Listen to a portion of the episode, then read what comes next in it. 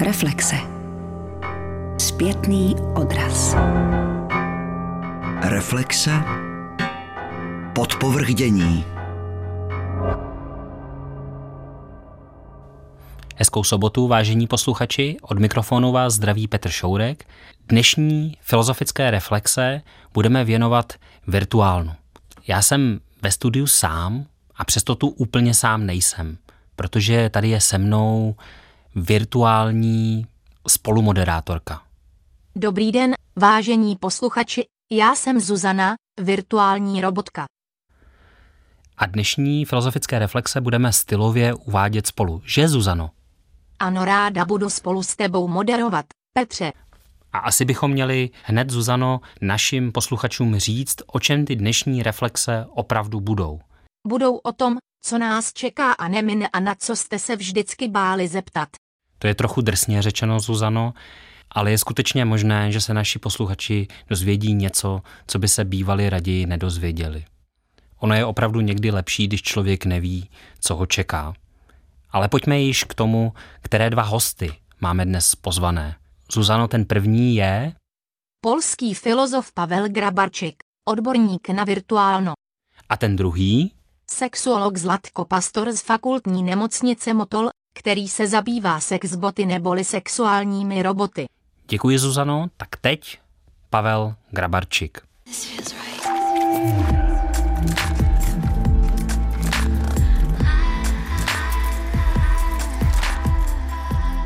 Dneska ve filozofických reflexích mluvíme o virtuálnu a proto jsem si do studia pozval polského filozofa Pavla Grabarčika, odborníka na všechno virtuální, který je shodou konferenčních okolností zrovna v Praze.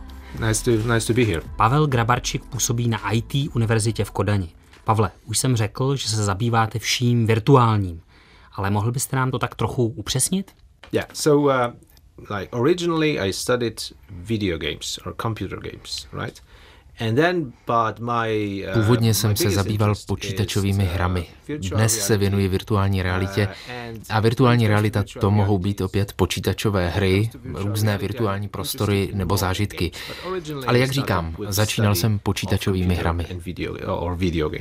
Vzděláním stále filozof, ne? Yes, my background is in philosophy, in philosophy of language and philosophy of mind. Ano, filozof se specializací na filozofii jazyka a mysli. Tak pojďme začít rovnou tou nejsložitější otázkou, kterou je nejsnažší položit. Co je virtuální? The definition that I'm using is that virtual means that something is basically a digital representation já si virtuální definuji takto. Virtuální je digitální reprezentace něčeho dalšího. Jednoduchý příklad. Když říkáme, že tohle jsou virtuální peníze, myslíme tím něco digitálního. Číslo v našem počítači, nebo spíš v počítači mé banky, které vyjadřuje množství peněz na mém účtě. Čili všechno digitální, co reprezentuje něco dalšího. Podle této definice nazýváme virtuálním. Nicméně obvykle, když lidé mluví o virtuálnu, mají na mysli virtuální realitu, což je ovšem velmi specifická virtuální věc. Virtuální realita je digitální reprezentací prostoru, kde můžeme pobývat, se kterým můžeme nějak manipulovat. Tohle je tedy definice virtuálního jako digitálního. Lidé ale obvykle za virtuální označují to, co není reálné. Po případě, alespoň v angličtině, kterou teď komunikujeme, něco skoro reálného. Yes, this is very typical. Like people say, uh, Přesně tak. Lidé uh, například řeknou, nemám klíče, mám jen virtuální klíče. To znamená, že to, co mám, nejsou úplně klíče. Mám sice něco, ale není to úplně ono. Přesto je ale virtuální nakonec úplně stejně reálné, jen je to digitální. Na penězích je to vidět dokonale. Nikoho ani nenapadne, že digitální peníze na jeho kreditní kartě jsou nějak méně reálné než hotovost, kterou má v kapse. Virtuální peníze lidé nevnímají jako falešné, neplatné peníze. Jsou stejně dobré k placení jako mince či bankovky. Čili když něco virtualizujeme, znamená to, že to digitalizujeme, ale je to stejně reálné jako předtím. Reálným tedy myslíte, že to funguje stejně jako to, co jsme předtím zdigitalizovali? Yes, it functions as real. So this again, I think the best way I can explain it is that Ano, funguje to úplně stejně. Když je něco stejně kauzálně propojeno se světem jako jeho fyzický ekvivalent, tak to chápeme jako reálné. Na příkladu peněz je to více než zřejmé. Za digitální peníze na své kreditní kartě si mohu nakoupit zboží stejně jako za fyzické bankovky. A proto jsou to pro mě reálné peníze. Způsobují ve světě stejné změny. Jak jste to řekl, fungují stejně digitálně jako fyzicky. A to samé platí i u ostatních virtuálních věcí. Když se spolu například setkáme ve virtuálním prostoru a na něčem se tam domluvíme, slíbím vám třeba, že vám půjčím peníze, určitě to nebudete chápat jako něco nereálného. Příslip peněz nebudete považovat za neplatný jenom proto, že jsem vám ho dal ve virtuální realitě. Čili v tomto smyslu jsou virtuální operace reálné protože i když jsou digitální, mají stejné důsledky, jako by se odehrály ve fyzické realitě pomocí fyzických prostředků. Přesto ale lidé mají silnou tendenci virtuální věci podezřívat, že nejsou reálné, že jsou falešné, podvodné. Uh, I mean, this is probably just because first of all we uh, we have this rather naive feeling that Důvod může být naše poněkud naivní představa, že to, co zrovna nevidíme na vlastní oči, není tak reálné jako to, co vidět jednoduše můžeme. Ale každý, kdo byl někdy nemocný, dobře ví, že bakterie sice vidět nemusel, ale přesto zakusil, co s ním udělali. Co je ovšem pro nás v této chvíli důležitější? Když o něčem řeknu, že je fyzické nebo naopak digitální, je to jistě užitečné rozlišení, které se nám hodí v běžném životě, ale nakonec je obojí fyzické. To, co označujeme jako digitální, jsou nakonec různé stavy počítače. A počítače jsou, jak známo, fyzické objekty. A stavy, ve kterých se nacházejí, jsou rovněž fyzické. Čili bez adekvátních nástrojů průběh operací na úrovni stavu počítače sledovat nemůžeme. Ale je to možné. A kdybychom to chtěli, někdo vám může říct, ty a ty změny ve stavech počítače znamenají převod vašich prostředků na účet hackera. Z toho tedy plyne, že na této úrovni popisu nemá smysl mluvit o rozdílu mezi virtuálním a reálným. No, and uh, so first of all, it doesn't have uh, any meaning for an academic, ano, for example. Jednak to nemá valný smysl pro vědecký výzkum, ale v jistém bodě to přestává mít smysl i v běžném životě. Ve chvíli, kdy digitalizovaná věc funguje stejně dobře jako ta fyzická, nikoho už ten rozdíl nezajímá. Nikdo vám neřekne, pošli mi na účet virtuální peníze. Chce prostě peníze. A to tež se stane se vším, co takto pronikne do běžného života. Rozšíří se a bude fungovat stejně jako svůj fyzický ekvivalent. Přestaneme říkat, že je to virtuální. Časem budeme virtuálním dveřím říkat jednoduše dveře a virtuálnímu prostoru jednoduše prostor.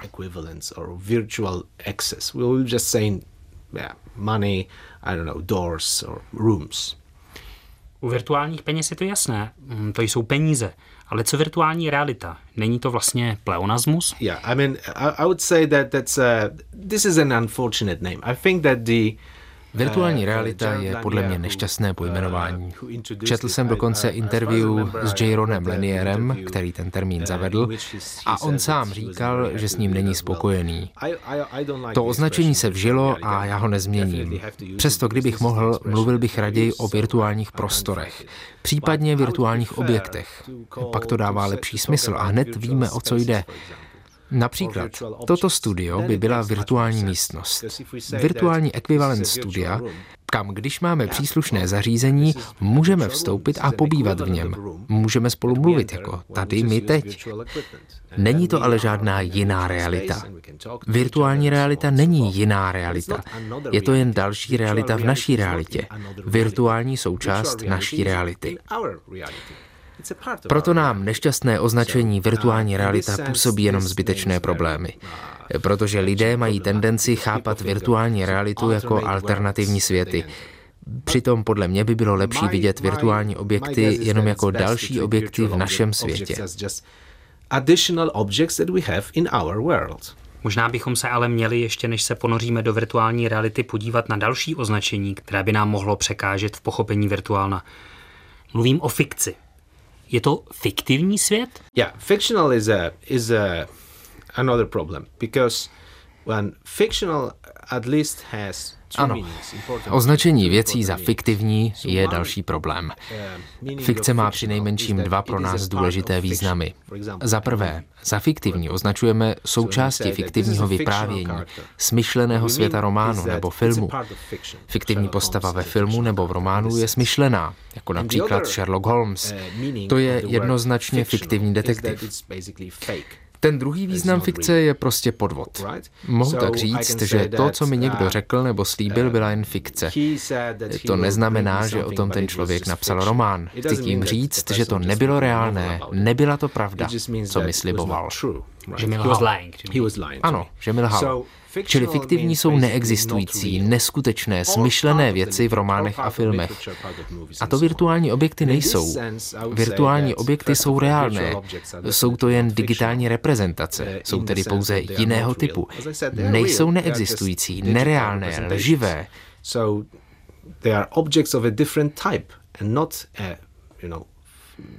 Občas mohou být i virtuální objekty fiktivní, mohou být součástí fikce, románů, filmů, Například mohu říct, že virtuální realita z filmu Low Mower Man, to byl populární film o virtuální realitě z 90. let, je fiktivní.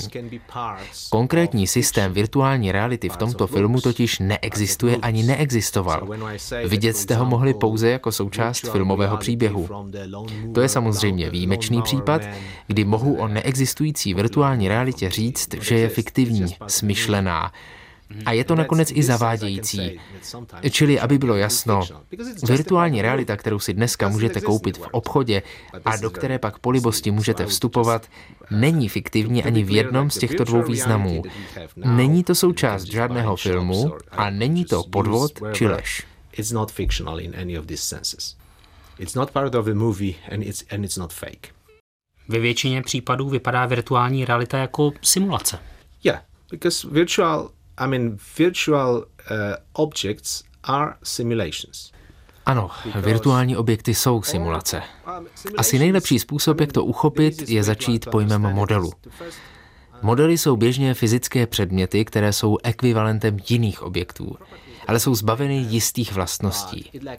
Například model letadla může mít pro nás důležité vlastnosti letadla, ale je například menší, postrádá původní rozměry aeroplánu. Model meče může vypadat jako meč, ale může být na rozdíl od své předlohy vhodný ke hraní, protože mu chybí jisté vlastnosti skutečné zbraně. Toto jsou jenom objekty, na které se dívám, nebo s nimi mohu hýbat. Ale jinak jsou statické.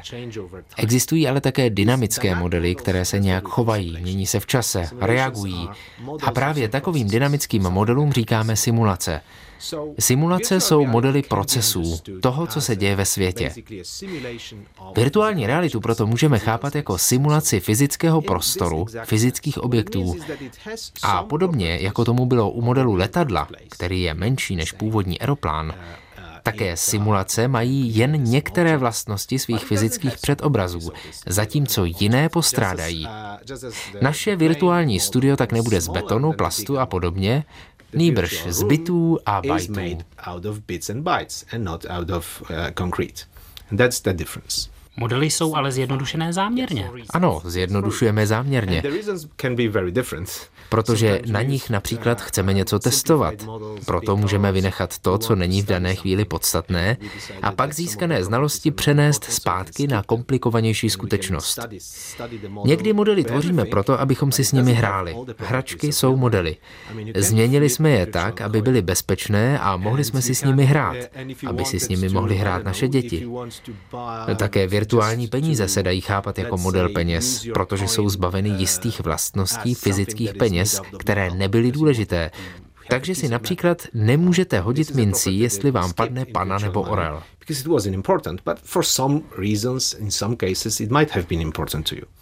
Pojďme teď na chvíli podlehnout Aristotelovi v nás. Jaká virtuální realita je nejdokonalejší? Tím myslím, jaký typ objektů se dá dokonale digitalizovat. I do have a rather extreme view on that. So I'll start with na tohle mám docela extrémní názor. Uh, Začnu proto tím, co je mainstream, a pak se dostaneme na okraj, kde se pohybuji já. Co není extrémní názor? Na světě máme věci, které se dají úspěšně virtualizovat a zůstanou tím, čím byly vzdor své nové digitální podobě. Ještě jednou ohraný příklad. Peníze. Peníze jsme zvirtualizovali a jsou to dál peníze. Jsou dokonce ještě lepší jako peníze. Přesně. Virtuální peníze fungují ještě líp. Další příklad jsou hodiny. Virtuální hodiny vám řeknou přesný čas a je jedno, jestli jsou ve skutečném nebo virtuálním prostoru. Obojí jsou hodiny. Nebo kalkulačka.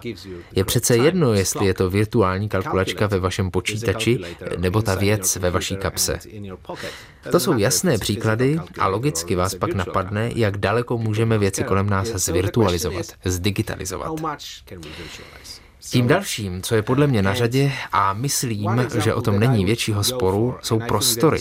Je to zkrátka velmi výhodné. Dnes jsem přišel sem k vám do studia a přišel jsem rád, protože rád navštěvuji různá nová místa. Ale jsou situace, kdy je to obtížné. Třeba kdybych byl někde za oceánem. A tak si umím představit, že kdybychom měli robustní virtuální realitu, tak si oblekneme zařízení a potkáme se ve virtuálním studiu, kde se prostřednictvím svých avatarů budeme bavit o virtuální realitě. Možná by to nebylo tak příjemné, jako když teď společně sedíme v reálném studiu, no, ale určitě lepší než nějaký Skype. A když lidé budou tuhle možnost využívat častěji, stane se z toho pro ně prostě jen další prostor. Zaskočí jednou do bílého pokoje, jednou do skleněného pokoje a bude jim jedno, že to jsou virtuální místnosti. Jejich svět se tím prostě jen rozšíří o další prostory. Ano, rozšíření reality.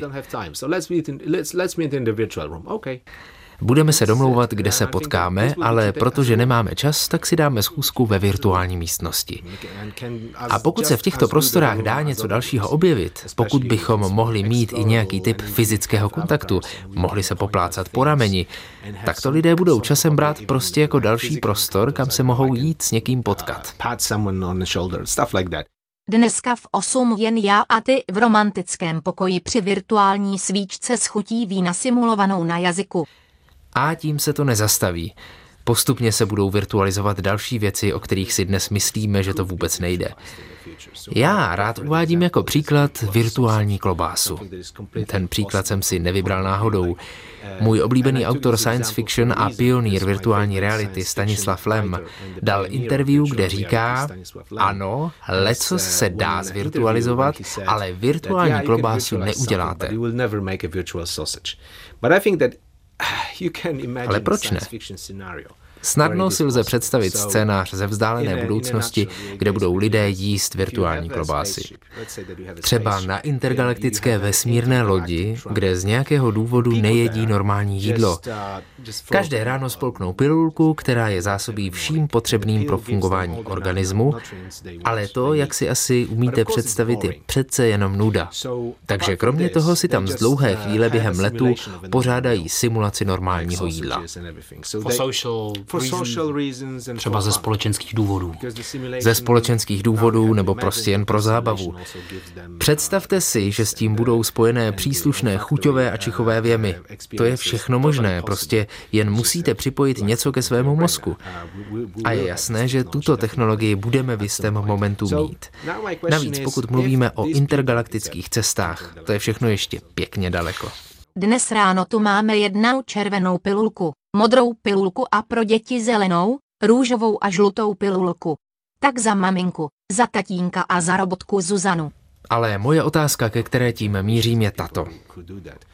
Je pro cestovatele mezi galaxiemi klobása ta pilulka, kterou jedí ráno, aby měli všechny živiny, nebo ta virtuální klobása se vší chutí, povrchem, vůní? A já si umím představit, že v této společnosti, nebo lépe řečeno v tomto společenství, si lidé řeknou, že virtuální klobása, která chutná a voní jako klobása, je spíš klobása než jen živiny z klobásy. A tehdy si myslím, že nic nebrání virtualizaci jídla. To byl tedy, Pavle, váš extrémní názor. Ano, ano, to je můj extrémní názor. Když jsem to testoval na lidech, potvrdilo se mi, že je to extrémní. Ale s virtuální klobásou jste zatím pokusy na lidech nedělal. Ne, to nejde, tu technologii zatím nemáme, aby nám to dalo vůně, chutě, textury. Už jste zmínil průkopníka virtuální reality Jerona Laniera – Měl přednášku v Japonsku, kde mluvil o té nejnechutnější technologii, o něčem, co si člověk strčí do pusy a toto rozhraní pak vypouští různé chemické látky a tak simuluje chuť. I'd given a talk in Japan where as a joke I said we could imagine a virtual food device to add to virtual reality that would be like this robotic A pak dostal zdvořilý dopis od jedné japonské laboratoře virtuální reality, kde mu slavnostně sdělovali, že vyvinuli něco, co ho znechutí. VR labs in Japan saying, we are pleased to announce that we have developed the ability to disgust you. And skutečně fungovalo to všelijak, ale fungovalo. Vyrábět se to nezačalo a dnes je to prakticky zapomenuto. Čili relevantní pokusy už tu byly. Ale Pavle, jak daleko jsme tedy podle vás nejen od virtuálního jídla, ale od virtuálních prostor, kde můžeme být přítomni a zažívat je naplno? So the biggest obstacle is that I, I don't think that it is possible to have and I think that this will Tohle je podle mě největší překážka. A já si myslím, že bez jejího překonání nikdy plně nevstoupíme do virtuální reality. A je to podle mě i největší společenská překážka. K plné virtuální realitě se nedopracujeme bez zásahu do svých mozků. Všechny multimediální helmy, všechna haptická zařízení budou jistě fungovat skvěle. Vůbec o tom nepochybuji. Ale nakonec se budeme muset stejně napíchnout přímo do mozku. Jisté míry simulace totiž skutečně není možné dosáhnout jenom pomocí externí simulace. Jde hlavně o pocit vlastního těla, stav tíže a s tím související věci. To neznamená, že by to nebylo proveditelné, jenom to chce zasáhnout do mozku. A podle mě z tohohle budou mít lidé strach. A vy z toho strach nemáte? Ne, já bych se toho nebál. Abychom si rozuměli, když mi přivedete prvního šíleného experimentátora, co na mě chce vyzkoušet svůj prototyp, tak se zaleknu. Když to ale bude věc, které rozumím, jak to funguje, s vědecky ověřenou bezpečností, tak do toho půjdu.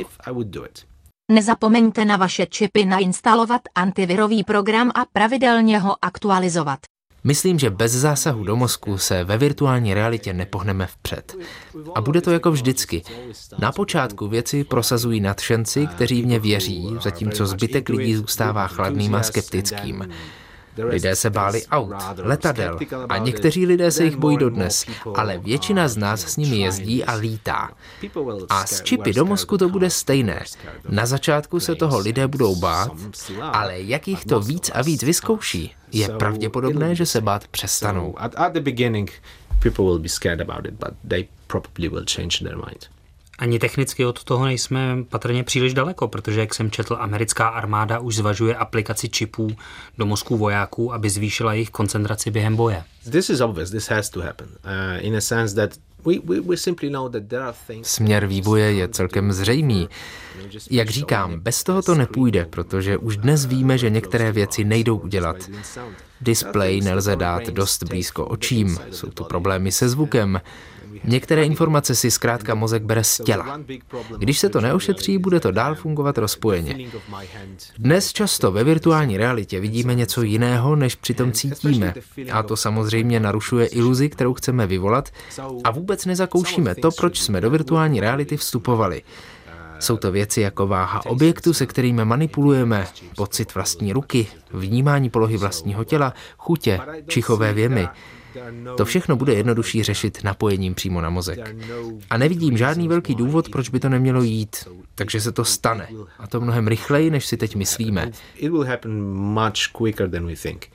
Because if you if we had this conversation, I don't know, 15 years ago, Kdybychom se takhle bavili, řekněme, nevím, no, před 15 lety, nikdy bych nevěřil, co můžu mít dneska doma. Trh s technologií virtuální reality doslova explodoval a během deseti let jsme technicky úplně někde jinde. Proto se dá předpokládat, že brzy nastane stejná exploze i v oboru čipů do mozku. Před 15 lety bychom nevěřili, že můžeme mít takovou míru simulace ve virtuální realitě. Za 15 let si lidé budou říkat, koukněte, tehdy nikdo nevěřil, že budou běžně k dostání čipy do mozku.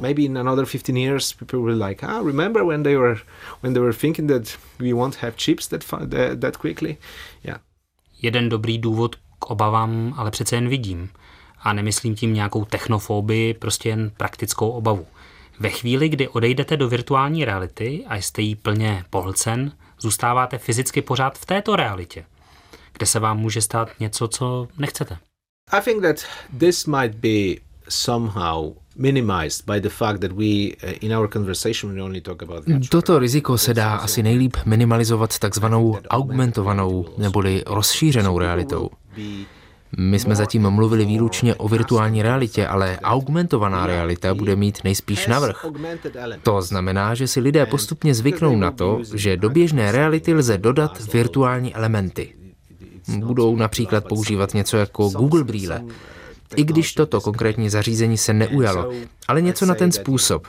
Budeme sedět tady ve studiu a bude normální, že hodně zaneprázdnění lidé jako my budou mít svou e-mailovou poštu promítnutou na stěně. Přišla vám nevyžádaná zpráva, kterou můžete smazat. Nebo svůj playlist Spotify puštěný v mozku jen tak pro zábavu, není jak nahlas, jen potichu v pozadí, jako kulisu.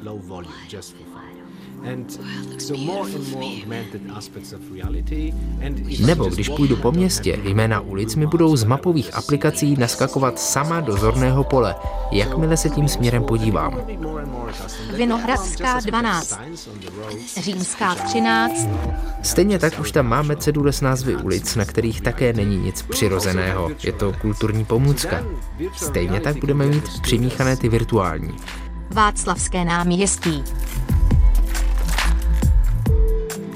Čili bude to užitečná věc a lidé si na ní snadno zvyknou. Představte si, že máme takový knoflík, kterým přidáváme víc a víc virtuálních elementů, až na konci už nemáte žádné reálné. Zatočte vlevo, potom po dva krocích se otočte zpátky a jděte dopředu. Čili virtuální realita bude jakýsi extrémní pol augmentované reality. A přes augmentovanou realitu pak lidé s nás přijmou i virtuální realitu.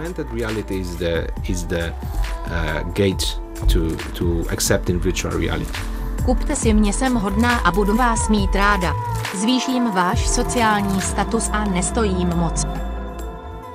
Jakmile jste, Pavle, začal mluvit o regulačním knoflíku virtuálních elementů, hned mě napadla jedna věc. Reklama. Nebudeme potřebovat blokovat reklamu? It's a good idea. I think, uh, and I'm 100% sure that people will do it. Ano, to je pravda, blokovat reklamu bude potřeba. To bude opravdu potřeba, protože je na 100% jisté, že reklama bude všude. Stačí vidět, jak to teď vypadá kolem nás. Když jsem teď v Česku nebo v Polsku, a je to typické pro celou východní Evropu, s příchodem kapitalismu reklama doslova zaplavila naše města a vůbec to nevypadá pěkně. Výtvarná úroveň té reklamy je otřesná a její moc. There are too many of them. There are too many of them and like just they, all they... Její moc a zápolí mezi sebou o vaši pozornost. Takže až někdo vymyslí aplikaci, která vám umožní to všechno zablokovat a spatřit jednou Prahu nebo Varšavu bez reklamy, to by se mi líbilo a určitě bych to rád vyzkoušel. Když si teď ale představím, jak si otočím tím vaším pomyslným knoflíkem virtuality na maximum, prakticky přehluším realitu kolem sebe a čím víc to lidé budou dělat, nebude také větší poptávka po bezpečných místech, kde se budeme moci oddávat virtuálnu? Yes, definitely. I mean, you can see it now. So the, the problem of virtual reality is the physical space. Uh, Nepochybně. A je to vidět už teď. Problémem virtuální reality je fyzický prostor. A to je také jeden z hlavních důvodů, proč se zařízení na virtuální realitu neprodávají tak dobře, jak si lidé mysleli, že budou. Já jsem skutečný nadšenec do virtuální reality.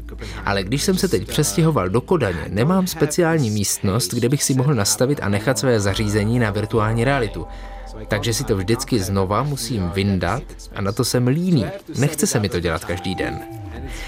A to je také v současnosti největší slabina virtuální reality. Aby člověk mohl zakusit virtuálno naplno, nestačí mít jen helmu, nestačí jen otáčet hlavou. Člověk by měl mít možnost měnit pozici, hýbat rukama, trochu chodit. Neznám nikoho, kdo by takto dnes zakoušel virtuální realitu v pohybu. Sehnul se třeba a podíval se pod virtuální stůl. Lidi jsou prostě uneseni někam pryč a to je všechno. A to je problém. To se teď může trochu změnit s novou generací helem, které přicházejí na trh. Oculus Quest je jedna z nich. Ty nepotřebují další senzory v místnosti a přesto vám dávají určitou možnost pohybu. V reklamních spotech ukazují, jak jdete jednoduše ven a hrajete fotbal na hřišti. Jestli to tak bude opravdu fungovat, ale netuším.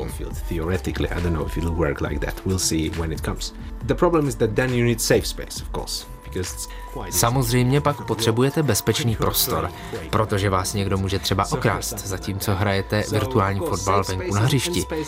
Ale to je obecně problém, že v našich městech Nevím, jak je to v Praze, ale ve Varšavě nebo v Kodani nemáte extra místnost pro luxus tohoto typu.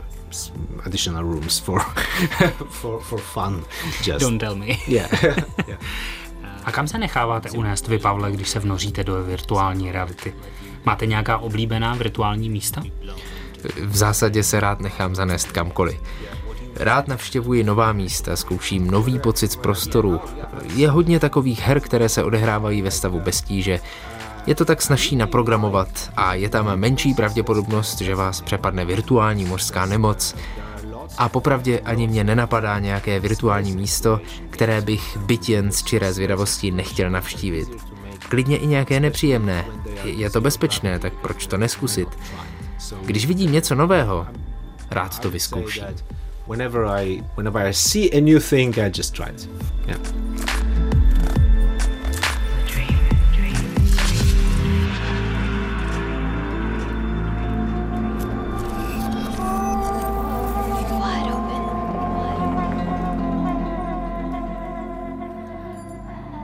Tak jak jste slyšeli, největším problémem virtuální reality je realita skutečná. To byl polský filozof Pavel Grabarčik, který byl na návštěvě v Praze. Ale my máme, Zuzano, ještě jednoho hosta. Ale za ním, Petře, budeš muset vyrazit do terénu. Ano, pojedu do fakultní nemocnice Motol. Ukončete prosím výstup a nástup, dveře se zavírají.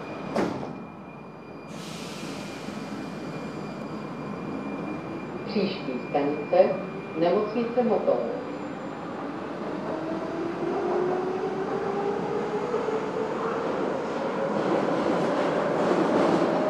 Jak jste správně pochopili, jsem na cestě do fakultní nemocnice Motol, kde působí sexuolog Zlatko Pastor, který se právě zabývá výzkumem tzv. sexbotů neboli sexuálních robotů.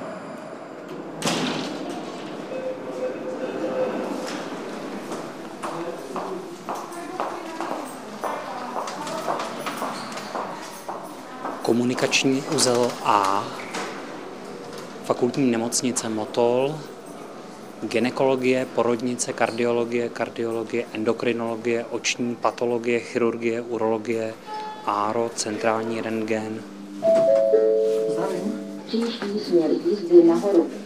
Já jsem v pátém patře, tady přímo někde u vás, pokud je to správně. Tady u výtahu. Děkuju.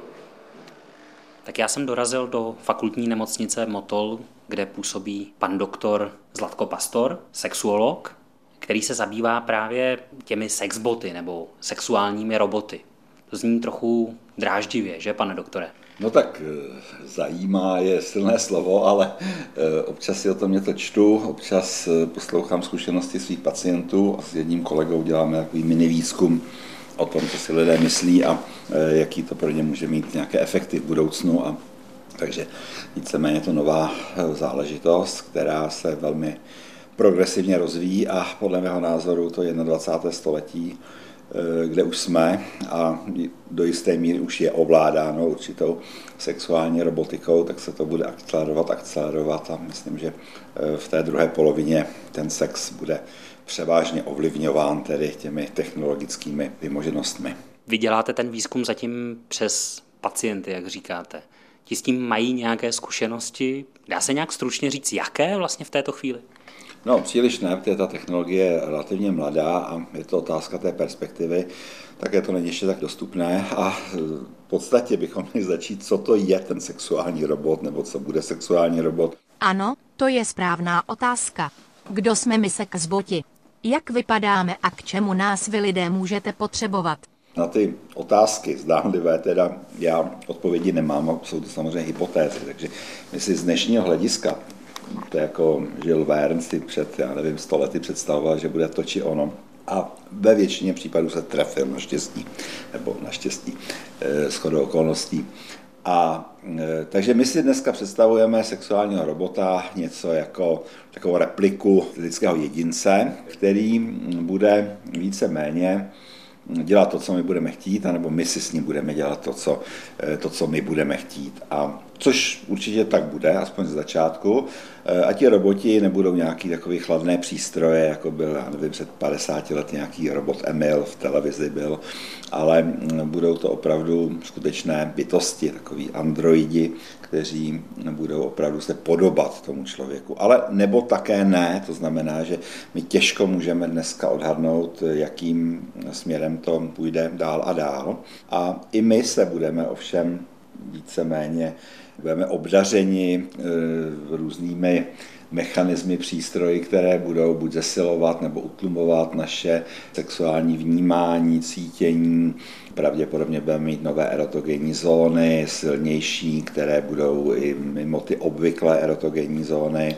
Mm, budeme používat různé přístroje ve smyslu nějakého permanentního snímání, skenování našeho okolí, řekněme prostřednictvím očních čoček, takže permanentně si budeme natáčet, můžeme si to snímat, můžeme snímat sebe, své okolí, své sexuální partnery, mm, do jisté míry i nějaká psychofarmaka, budou moci otevírat naše nějaké psychogenní okruhy, teda, které můžeme zase sdílet, tedy určité paměťové stopy eh, s našimi partnery, tam je můžeme vpouštět do větších či menších eh, okruhů. No uvidíme, jak spolu budeme vycházet, lidé s roboty a roboti s lidmi zase vrátím se k té klasické eh, robotické problematice, tak eh, je otázka, jestli budeme sdílet eh, naše životy s roboty, znamená, jestli my se budeme ženit s roboty, jestli oni se budou ženit mezi sebou, jestli budeme mít repliky našeho partnera nebo partnerky, které umřou, takže s ní budeme stále žít. Pak je otázka, jak si budeme vytvářet roboty na míru, jestli naši potomci budou v podstatě do jisté míry robotičtí, nebo jestli si budeme kupovat nějaké programy, jejichž software si budeme moci teda upravovat podle svých představ nebo ho dotvářet a, a tak dále a tak dále. Takže těch otázek je samozřejmě mnoho.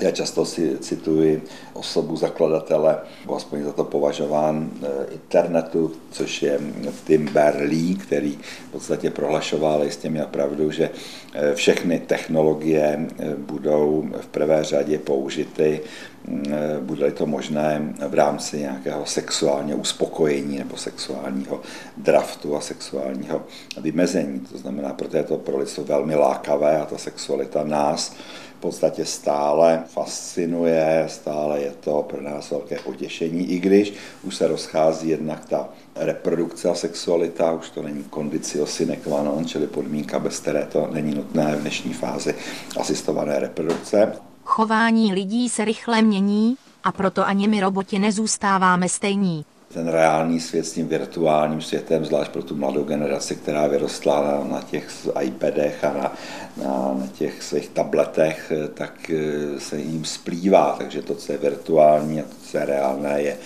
má velmi neostré, rozmazané hranice.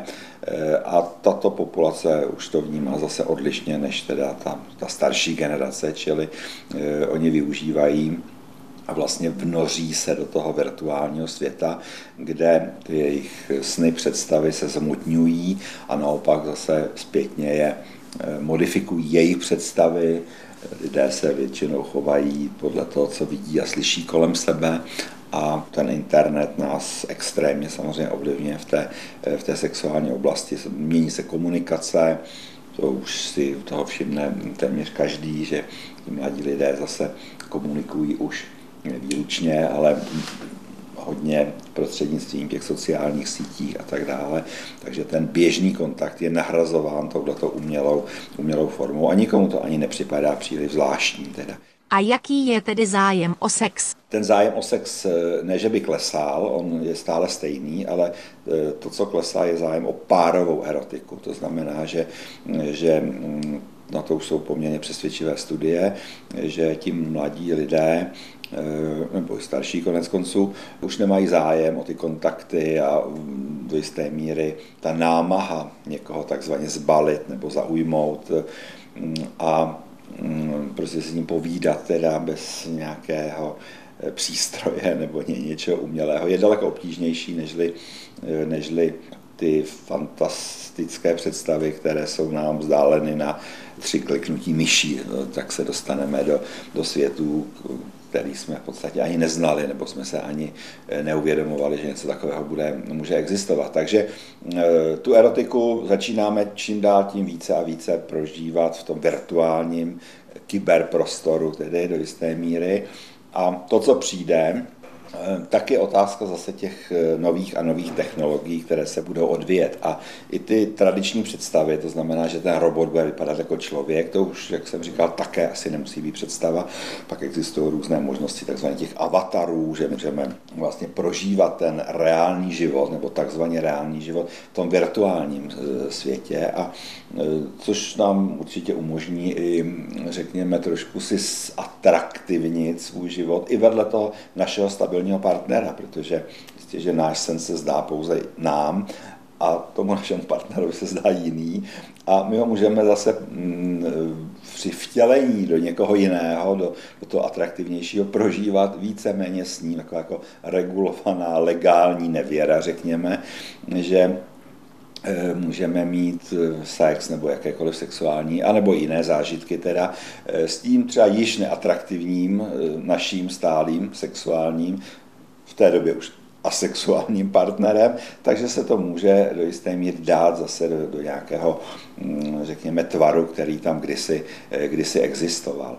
A zase ty podoby, které na sebe vezmeme, ať už v tom sexu nebo v tom reálně virtuálním eh, životě, se mohou úplně diametrálně vzdálovat od těch současných představ. To znamená, že, že ať už když hovoříme o tom primárním sexu, tak já nevím, ty penetrační otvory můžou být zcela eh, na jiných místech, kde jsou, může to být eh, mezižeberní otvory, retroperitoneum, perikard těch eh, pohlavních orgánů a jiných teda také může být samozřejmě celá řada, takže dneska to vidíme i ty, ty, ty komiksové postavičky, takový ty, ty dinosauří rodinky a, a podobně, takže ta fantazie bobtná a my sami vlastně nevíme, jestli nás bude pak přitahovat už jenom, nebo pouze tedy eh, ten eh, z dnešního pohledu konvenční sex. Takže, takže těžko říct, ale jak říká ten, ten Lee,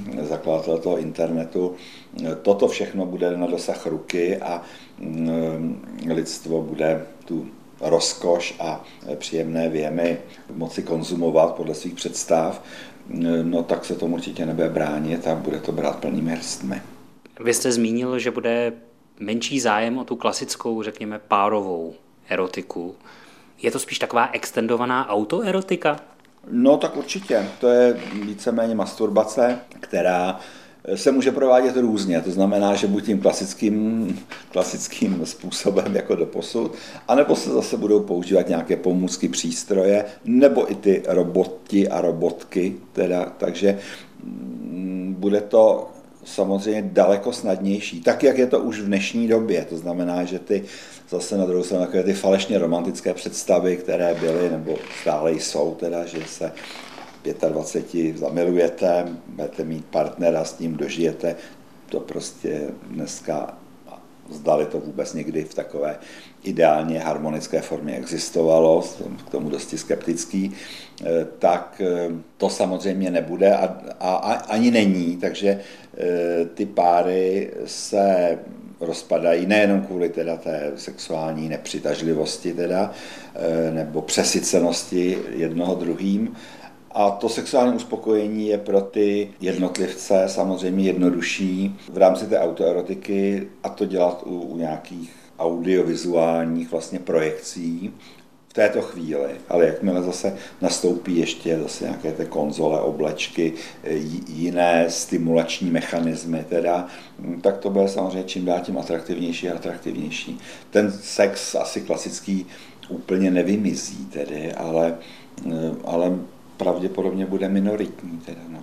Dá se počítat s tím, že to bude ještě diferencovanější, nebo naopak, co jsme pozorovali u internetové pornografie, že se to jistým způsobem naopak standardizovalo? No já myslím, že se to bude diversifikovat, že to bude širší a širší, to znamená, že, že těch možností bude celá řada, to znamená, to taková všeho chuť, jako myšmaš, no, každý si bude moci vybrat, co bude chtít, takže myslím si, že ani ti nejprogresivnější futurologové teda to nedokážou domyslet, co, co v této oblasti těch sexuálních, ale i mezilidských vztahů, že to je ještě daleko složitější, co to s těma lidma udělá a jak ty společenský a osobní vazby se budou vyvíjet, nebo celoživotní vazby a komunikace a, jak říkám, těžko říct dneska, jak se to bude přesně vyvíjet.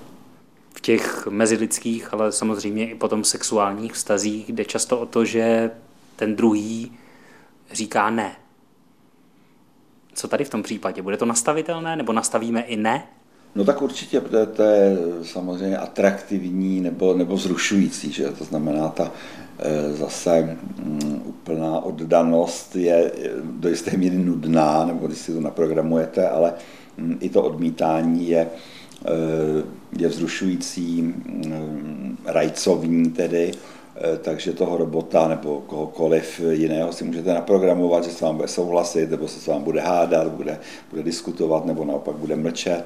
Ne, ne, ne, dneska mě bolí hlava. Těch forem bude celá řada, no, nebo bude to takové vlastně interaktivní, to znamená, že nějaký systém se vcítí do vás a... Potkali jsme se včera, když si mě rozbalil a je to, jako bych tě znala celý život. Dneska si to představujeme hlavně na úrovni těch tělesných věmů, ale e, to, co je mnohem zásadnější, je ta psychika. To znamená, že třeba mužská psychika, muži vůbec jsou založeni hlavně, nebo jejich osobnost stojí na jejich ješitnosti, to znamená, že většina mužů chce slyšet od svých partnerek to, co si sama o sobě myslí, nebo v jakém světě, nebo v jakém obraze a zrcadle se vidí tyto operační systémy toho budou schopny zcela jednoznačně. Ta umělá inteligence bude pravděpodobně chytřejší, flexibilnější, rychlejší a bude plnit ty naše představy teda a vžije se do naší představ. Víceméně bude mít svým způsobem k dispozici všechny naše,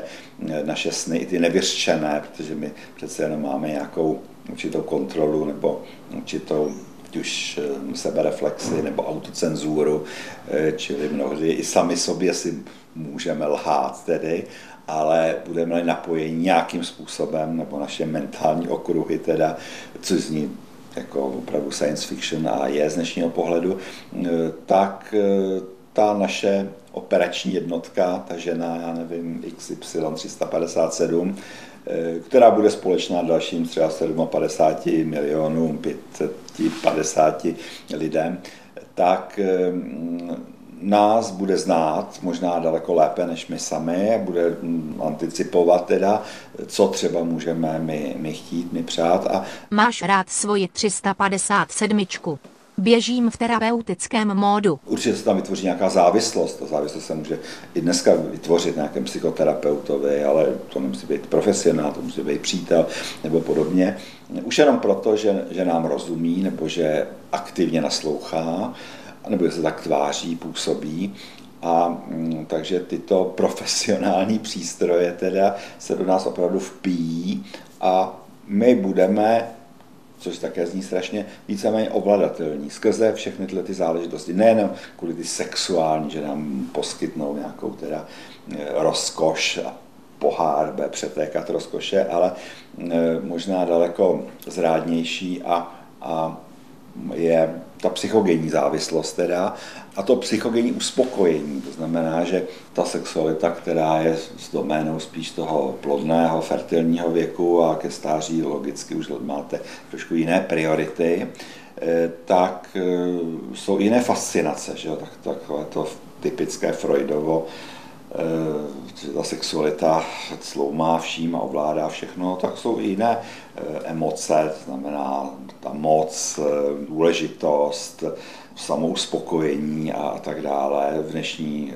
frustrované době, kdy víceméně stoupá potřeba antidepresiv, anxiolytik a všech těchto těch záležitostí, protože ti lidé jsou stresovaní a zájem teda o psychoterapii, protože najdete někoho, kdo, mm, kdo vám rozumí, kdo vyslechne vaše problémy a v podstatě mm, schovývavě nebo eh, nehodnotícím přístupem je, je vlastně akceptuje a vyslechne, eh, tak tohle to bude pro vás vlastně norma a uspokojí vás to daleko více, eh, než ta sexualita samotná. Takže možná je otázka, že tyto technologie ještě překročí mez té sexuality a že ta primitivní v sexualita teda a, a ty sexuální zážitky budou přebyty něčím úplně jiným, což dneska máte, já nevím, třeba drogy nebo já nevím, jiné, jiné záležitosti, které nebudou mít, řekněme, zničující charakter na toho člověka, to znamená, že tam odpadne nějaká závislost, tolerance a podobně, ale uvedete se do nějakého stavu mysli, tranzu nebo, nebo cokoliv, které, který vám přinese odpočinek, relaxaci, uvolnění, zvýší to zase ty mozkové kapacity. Že ono to poje ruku v ruce ten segment, tady se bavíme o určitém hypotetickém, fantazijním modelu, teda, který tady mě automaticky napadá, ale bude to ruku v ruce s asistovanou reprodukcí, s různou experimentální medicínou, s genetickými modifikacemi, s lékařskou vědou, která se bude být daleko efektivnější, takže budeme čilejší, budeme se dožívat vyššího věku pravděpodobně v dobré kondici, to znamená, že to nebudeme prodlužovat díky, díky nějakému eh, udržování, ale ten život bude vlastně aktivní teda, takže tyhle všechny ty technologie nás budou do jisté míry ovládat, stimulovat a Teď je otázka, jestli budeme mít pak kontrolmi nad nimi nebo oni nad námi. To, to se dá těžko říct. Teda. Takže je to na jednu stranu fascinující a dá se tomu těžko odolat, teda, zvlášť když se to tak jako zavezme do, do našich osobností, stejně tak jako dneska prakticky nemůžete fungovat bez mobilního telefonu, když můžete mít nějaké pózy, že vy ho nemůžete používat, tak nebudete kompatibilní do, do určité míry teda, nebo nebudete mít internetovou adresu, to taky nemusíte mít dneska, ale ten praktický život vám to stíží teda, no. A stejně tak, nebo dneska jsou moderní Facebooky a Instagramy, ať už si o nich myslíme teda cokoliv, já si o nich nemyslím zrovna nic dobrého, ale e, jsou to věci, prostě, které, které existují a tu masu, eh, masu ovládají. A to, to je teprve začátek. Teda. A mm, když se to rozjede teda tímhletím, tímhletím způsobem a je otázka se, kdo to bude mít v ruce, kdo bude ty operační systémy ovládat, kdo bude soustředovat ty informace a tak dále. Takže ty představy jsou spíše hrůzostrašné, než by mě to naplňovalo nějakým optimismem. Teda. Ale to je otázka vývoje, protože se stěží dá něco dělat. Teda, no. Eh, nebo se dá jako regulovat nějaká reglementace, která ovšem je spíš iluzorní než, než faktem, to znamená formálně se může zakázat ledacos, ale eh, víme, že mm, málo čemu se dá vlastně zabránit zcela stoprocentně, prakticky ničemu, tedy se domnívám. My tady teď mluvíme jako dva ješitní muži. Vy jste už zmínil, že ten nehodnotící, víceméně lichotivý přístup se stává nebo by se stal absolutní normou. Ono se mluví o takzvaném terapeutickém obratu, který už eh, nastal. Nejde také o to, že v těch vztazích to občas drhne, nebo ten druhý se na to dívá úplně odjinut, že si také nerozumíme? No tak eh, to jsem samozřejmě také měl na mysli, že já jsem eh, tady opravdu se na to koukáme tím takzvaně mužským pohledem, jak jinak také, ale ona ta zase vrátíme se ryze k tomu sexu, tak, eh, anebo vůbec těm rolím, teda takzvaně společenským, eh, tak se zbližují. To znamená, že ty, spíš ty ženské se, eh, se, ty klasicky ženské se začínají podobat těm klasickým mužským. O tom se mm, samozřejmě diskutuje a je to asi reálné. Mluví se o emancipa, takové do jisté míry zprofanované termíny teda o rovnosti pohlaví, o které jistě není, není pochyb, ale tak eh, jistě zase ty technologie umožní eh, ji realizovat, protože zase odpadnou ty možná ty bazální starosti o rodinu, o děti a, eh, a ty pohlaví teda díky té reálné rovnosti dostanou ty šance a pak je otázka, jak to porozumění teda bude, jestli ta uniformita se bude prohlubovat, pravděpodobně ano, že jestli budeme mít možnosti být všichni zdraví, všichni, všichni štíhlí, všichni sympatičtí, empatičtí, eh, naše inteligenční schopnosti se budou zvyšovat třeba, tak, eh, tak ta uniformita se bude, bude určitě zvyšovat. No. A je otázka toho porozumění. Jistě, že přitahuje ten schodný pohled eh, na svět, ale samozřejmě ty dráždivé momenty, když někdo s váma eh, jako aktivně nesouhlasí nebo fakticky nesouhlasí, je samozřejmě také přitažlivé, když má někdo jiný pohled na ten svět. Teda, no. Ale jak říkám, ono se to spíš tak eh, to šedne k té většině teda a, a, a k té uniformitě spíše. No. Tak já vám děkuju. Rád se stalo. Nemocnice Motor. Konečná stanice. Vystupujte prosím vpravo ve směru jízdy. Terminal station. Please exit the train.